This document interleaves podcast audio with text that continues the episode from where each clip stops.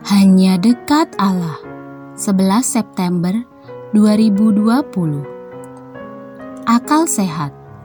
Pengkhotbah 10 ayat 10. Dalam ayat 10 sang pemikir mengingatkan, jika besi menjadi tumpul dan tidak diasah, maka orang harus memperbesar tenaga. Tetapi yang terpenting untuk berhasil adalah hikmat. Dalam Alkitab Bahasa Indonesia masa kini tertera, apabila parangmu tumpul dan tidak kau asah, engkau harus bekerja dengan lebih bersusah payah. Pakailah akal sehatmu dan buatlah rencana lebih dahulu.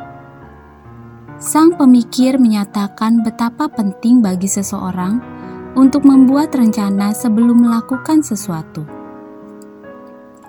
Rencana menjadi penting karena kegagalan membuat rencana membuat kita merencanakan sebuah kegagalan. Dengan unik, sang pemikir mengingatkan kita untuk mengasah pisau sebelum menggunakannya. Ini memang persoalan daya guna dan hasil guna. Tak menyiapkan peralatan kerja yang terbaik akan membuat kita capek sendiri. Bisa jadi malah frustrasi.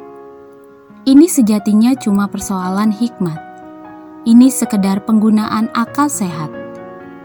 Pada masa Perjanjian Baru pun, Yesus, sang guru dari Nazaret, mengingatkan, "Sebab siapakah di antara kamu yang, kalau mau mendirikan sebuah menara, tidak duduk dahulu membuat anggaran biayanya?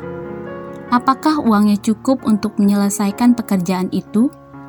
Supaya jikalau ia sudah meletakkan dasarnya dan tidak dapat menyelesaikannya, jangan-jangan semua orang yang melihatnya mengejek dia dan berkata, "Orang itu mulai mendirikan, tetapi ia tidak sanggup menyelesaikannya."